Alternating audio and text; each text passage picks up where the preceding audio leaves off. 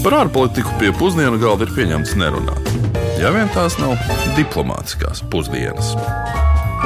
Esiet sveicināti raidījumā Diplomātiskās pusdienas, kā katru otrdienu mēs ceļojam pa pasaules valstīm un aplūkojam to politiku, ekonomiku, sabiedrību. Pamatā nopietni, dažreiz arī izklaidējošā manierē. Labdien!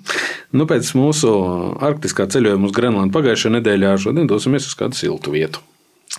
Tas arī būtu patīkami sildoši, jo tieši ar šo raidījumu mēs atzīmējam nu, mūsu viena gada jubileju. Tieši ar Irānas raidījumu pagājušā gada 18. februārī mēs aizsākām šo sēriju, un šobrīd esam tikuši līdz 43. valstiskajam veidojumam. Nu, vēl vairāk nekā 150 valstis mums vēl ir priekšā, un tādēļ klausītāji tiek laipni aicināti mums rakstīt un pieteikt, kuras valsts vai tēmas viņi gribētu dzirdēt agrāk, nevis vēlāk. Jā, ja klausītājiem ir arī kas papildināms vai pašiem stāstāms, tad arī aicināšu rakstīt man uz e-pastu uģis.libietis Latvijas radio.lv vai arī sazināties ar mums Facebook lapā ar politiku tūplānā, un mēs lūkosim par to pastāstīt mūsu klausītājiem, kuru pulciņš jau ir kļuvis gana plašs. Nu, bet šodien mēs dosimies uz uh, Salvadoras Republiku, kur atrodas Centrālā Amerikā. Nu, valstīm, kur teritorijas ziņā ir apmēram trīs reizes mazāk nekā Latvija, bet iedzīvotāju skaits ziņā trīs reizes lielāka. Um, nu, kuras oriģinālais spāņu kolonistu jeb konkistadoru uh, piešķirtais nosaukums ir Provincija de Nuestro Señor Jesus Cristo El Salvador del Mundo. Vai Mūsu kunga Jēzus Kristus pasaules pestītāja province. Precīzi. Nu, ar laiku to saīsināja līdz El Salvador, kas vienkārši nozīmē pestītāju pestītājs. Bet ko par šo pestītāju zināja mūsu klausītāji, to vaicāja Ulris Česbers. Ar ko jums asociējas Salvadora? Salvadora varbūt mazāk ar kaut kādām narkotikām vai kaut ko tamlīdzīgu, bet uh, katrā gadījumā ar kaut kādām nemitīgām cīņām par varu un kaut kādiem grupējumiem un tā tālāk. Bet uh, es tik tālu neesmu nekad aizbraukusi, nezinu. Ak, tu dieniņās ar ļoti eksotisku valsts nosaukumu.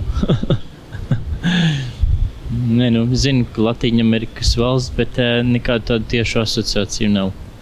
Salvadora patiesībā laikam ne ar ko. Nē, ne ar ko. Ar kafiju, bet tā gandrīz neko. Salvadora ieguva neatkarību no Spānijas jau 1821. gadā, un tās vēsturē ir piedzīvot daudz dažādu nemieru un revolūcijas, bet pats nesenākais, kas arī atstājis mūsdienā paliekošu iespēju, ir 1979. līdz 92. gada pilsoņu karš. Un tajā dzīvību zaudēja aptuveni 80 tūkstoši cilvēku. Nu, šobrīd valstī dzīvo apmēram 6,5 miljoni iedzīvotāju. Pilsoņu kara, nabadzības un nevienlīdzības dēļ vēl vairāk nekā 3 miljoni salvadoriešu dzīvo arī ārvalstīs, nu, lielākā daļa Losandželosā. Viņi ir kļuvuši par būtisku savas valsts ekonomikas, politikas un arī noziedzīgās pasaules daļu. Salvadoriešu pilsoņu kara iemesli bija nu, pamatā politiski, protams, arī ekonomiski, bet tie nebija etniski. Jo valsts ir nu, relatīvi viendabīga etniskā un rases sastāvā ziņā. Vairāk nekā 85% ir metis un nedaudz vairāk kā 12% ir Eiropiešu izcelsmes. Nu, interesanti, ka Saudorā, atšķirībā no citām Centrālā Amerikas valstīm, praktiski nav, nav afrikāņu izcelsmes iedzīvotāji. Tam pamatā bija likumi, kas pēc sākotnējiem afrikāņu izcelsmes vergu dumpiem un arī vēlākās verdzības atcelšanas uzturēja klaju rasistisku politiku, un, nu, kas neļāva šīs rases pārstāvjiem vienkārši iebraukt Salvadorā. Tādēļ arī pilsoņu kara ietvaros notika cīņas starp uh, militāristu huntu un kreisi, sociālistiski noskaņotiem nemierniekiem. Valdība atbalstīja un trenēja arī ASV karaspēks, jo nu, tā bija daļa no cīņas pret komunistisko valstu izplatību Latvijā, Amerikā augstākā kara laikā. Ekonomiskais iemesls pilsoņu karam, protams, bija gadu desmitiem un pat simtiem ilgusi ienākumu un dzīves līmeņa nevienlīdzība valstī, un valdošās elites bagātība un sabiedrības vairākuma nabadzība. Tas gan ir diezgan izplatīta, protams, parādība visā Latvijā. Arī šobrīd Salvadoras sabiedrībā ir ļoti izteikta ekonomiskā nevienlīdzība. Un, īstenībā, tā panelizējot, paskatoties un gatavojoties raidījumam, ja mēs paskatāmies to Gini koeficientu, kas ir vispieņemtākā mērvienība nevienlīdzības mērīšanai, tad um, Salvadoras rādītājs nemaz nav tik atšķirīgs no Latvijas. Respektīvi, Salvadorai ir 38,6 punkti un Latvijai ir 35,6. Jā, kopējā nabadzības ziņā gan atšķirības ir jūtamas jo pēc Pasaules bankas metodoloģijas Salvadoras IKP uz vienu iedzīvotāju ir 3,4 tūkstoši eiro, kamēr Latvijas ir vairāk nekā četras reizes lielāks. Vēsturiski Salvadoras ekonomikā ir dominējusi kafijas audzēšanu un arī indīgo krāsas ražošanu. Mūsdienās ekonomika jau ir diversificēta un ražot tiek ne tikai pārtika un dzērieni, bet arī dažādi naftas produkti, ķīmiskās vielas, mēslošanas līdzekļi, tekstilu materiāli, mēbeles nu, arī cita produkcija. Nu, vienlaicīgi jāatzīmē, ka ļoti nozīmīga daļa valsts ekonomikas, gandrīz 20% no IKP, ieplūst tieši kā nauda, kas tiek sūtīta no ārvalstīs strādājošiem salvadoriešiem uz mājām viņu ģimenēm. Nu, pamatā ASV, kā jau mēs dzirdējām, un starp citu, Salvadorā ASV dolārs tiek lietots kā oficiāla valsts valūta. Mm, nu, no pozitīvā viedokļa šī naudas iepludināšana ļauj valsts ekonomikai piesaistīt attīstībai papildus līdzekļus un mazināt nabadzību. Nu, par apmēram pusi, ja mēs skatāmies arī sevišķi galējās nabadzības gadījumus. No negatīvā atkal tas turpina nevienlīdzības ceļu, jo trešā daļa mājsaimniecību, kur pārtiek no šādiem līdzekļiem, nu, viņi ir daudz labākā situācijā un viņi veicina arī pieprasījumu pēc produktiem, tiestarp arī starp citu mājokļiem un būvniecību, kas atkal sadārdzina šo tirgus sektoru un nabadzīgākiem ir vēl mazāks iespējas atļauties dzīves līmeņa uzlabošanu. Vēl jau vairāk tas noved pie tā, ka daudz izvēlas nestrādāt vispār un pārtikt tikai no atsūtītās naudas. Un, un tā rezultātā valstī iebrauc hondurasieši, nikaragvieši. Nu, tie strādā par valstī pieejamu atalgojumu. Kurš, ap citu, arī ir pieaudzis neproporcionāli produktivitātei tieši šo naudas pārvedumu dēļ. Naudas pārādumi gan nav vienīgais, kas ieplūst no Amerikas Savienotajām valstīm. Cik tas nebūtu paradoxāli, bet tieši uh, bandu dzīve ir importēta no Amerikas Savienotajām valstīm. Nevis otrādi, kā bieži politiķi mēģina pro projicēt un uh, stāstīt un pozicionēt pašā Amerikas Savienotajās valstīs. Un te runa, protams, ir par bēdīgi slaveno MS-13 bandu, jeb uh, Māra Salvatruha, kuras biedru skaits pasaulē tiek reiķināts nu, līdz pat apmēram 50 tūkstošiem. No Amerikas Savienotajās valstīs vien ir ap desmit. Jā, kā starp citu, svaigi ziņo arī Latvijas Republikas ārlietu ministrija, rekomendējot uzmanīties ceļojot. Salvadorā ir viens no augstākajiem vardarbīgo noziegumu rādītājiem visā Latvijā-Amerikā. Mm, starp citu, pēc sieviešu slepkavošanas rādītājiem Salvadorā ir trešajā vietā pasaulē. Jā, un lielākā daļa noziegumu ir saistīta tieši ar sadursmēm starp dažādām vietējām bandām un viņu konfliktiem arī ar policiju un dažādām militārajām vienībām.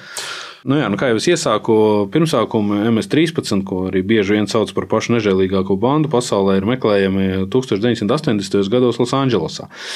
Nu, tas, kas sākās ar vietējo no pilsoņu kara aizbēgušo salvadoriešu jauniešu rasistisku diskriminēšanu darba tirgu un sadzīvē, turpinājās ar organizēšanos savai aizstāvībai un bandu kultūras pārņemšanu. Nu, bandas pamatlicējs, starp citu, bija viens no salvadoriešiem, kurus cīņai pret kreisajiem salvadoriešu pilsoņu kara laikā bija trenējusi ASV armija kā katru reizi kā ieminās par ASV armijas apmācībām Latvijā, Amerikā vai uh, Austrumāzijā. Man tikai nāk Holivudas filmas 90. gados. Tur, tur šīs tēmas bija ļoti bieži izplatītas. Bet tiklīdz pilsoņu karš beidzās un šos bandu biedrus, kas pamatā, protams, bija nelegāli imigranti, ASV sāka deportēt atpakaļ uz Salvadoru. Tā MS-13 nonāca un sāka izvērsties arī nu, Centrālamerikas valstī. Un par bandu nozīmi un valdības cīņu pret tām mēs lūdzām detalizētāk pastāstīt arī savulaik vairākus gadus Salvadorā nostrādājušajam nevalstiskās organizācijas Global Truth Solutions pārstāvim Nikam Adždīkonam.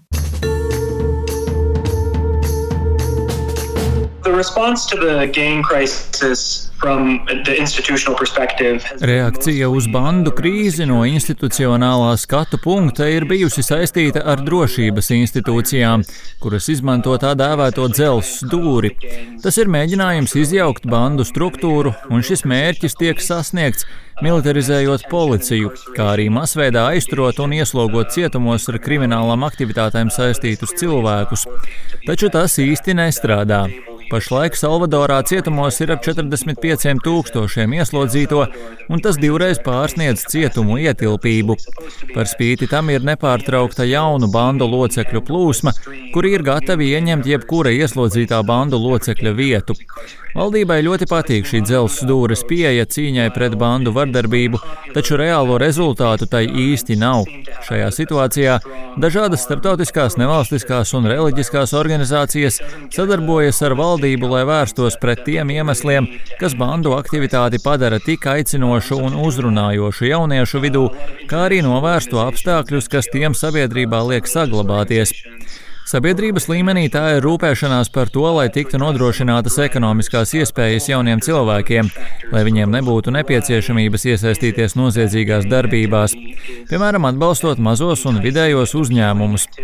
Galvenais uzdevums ir aizsniegties līdz šiem jauniešiem vēl pirms viņi pievienojas bandām, sniedzot ekonomiskas alternatīvas. Otra lieta - tā ir vienkārši piekļuve izglītībai, panākot, ka jauniešiem viņu ikdienas dzīvē ir vismaz kaut kāda struktūra, kaut kādas konstruktīvas, nevis destruktīvas aktivitātes. Un tas, protams, attiecas gan uz skolas laiku, gan jēgpilnām aktivitātēm ārpus skolas. Runājot atklāti, tam visam ir kaut kāda jēga tikai pirms šo cilvēku iesaistīšanās bandās. Tiklīdz viņi ir pievienojušies bandai, to struktūras jau ir ļoti noturīgas, hierarhiskas un kontrolas līmenis pār cilvēku dzīvi ir ļoti augsts.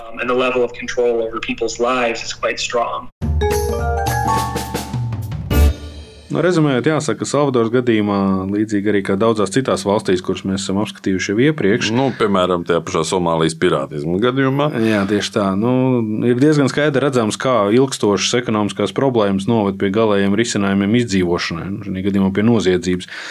Noziedzība, kura, protams, neizbeidzas ar pamatu vajadzību nodrošināšanu sev un ģimenei, bet gan regulāru alkatīgu ekspansiju un noziedzības ceļu turpināšanu. Kā saka, apetīte aug ēdot. Nu, diemžēl. Lai cik būtu paēdis, vienmēr ir vieta arī desertam.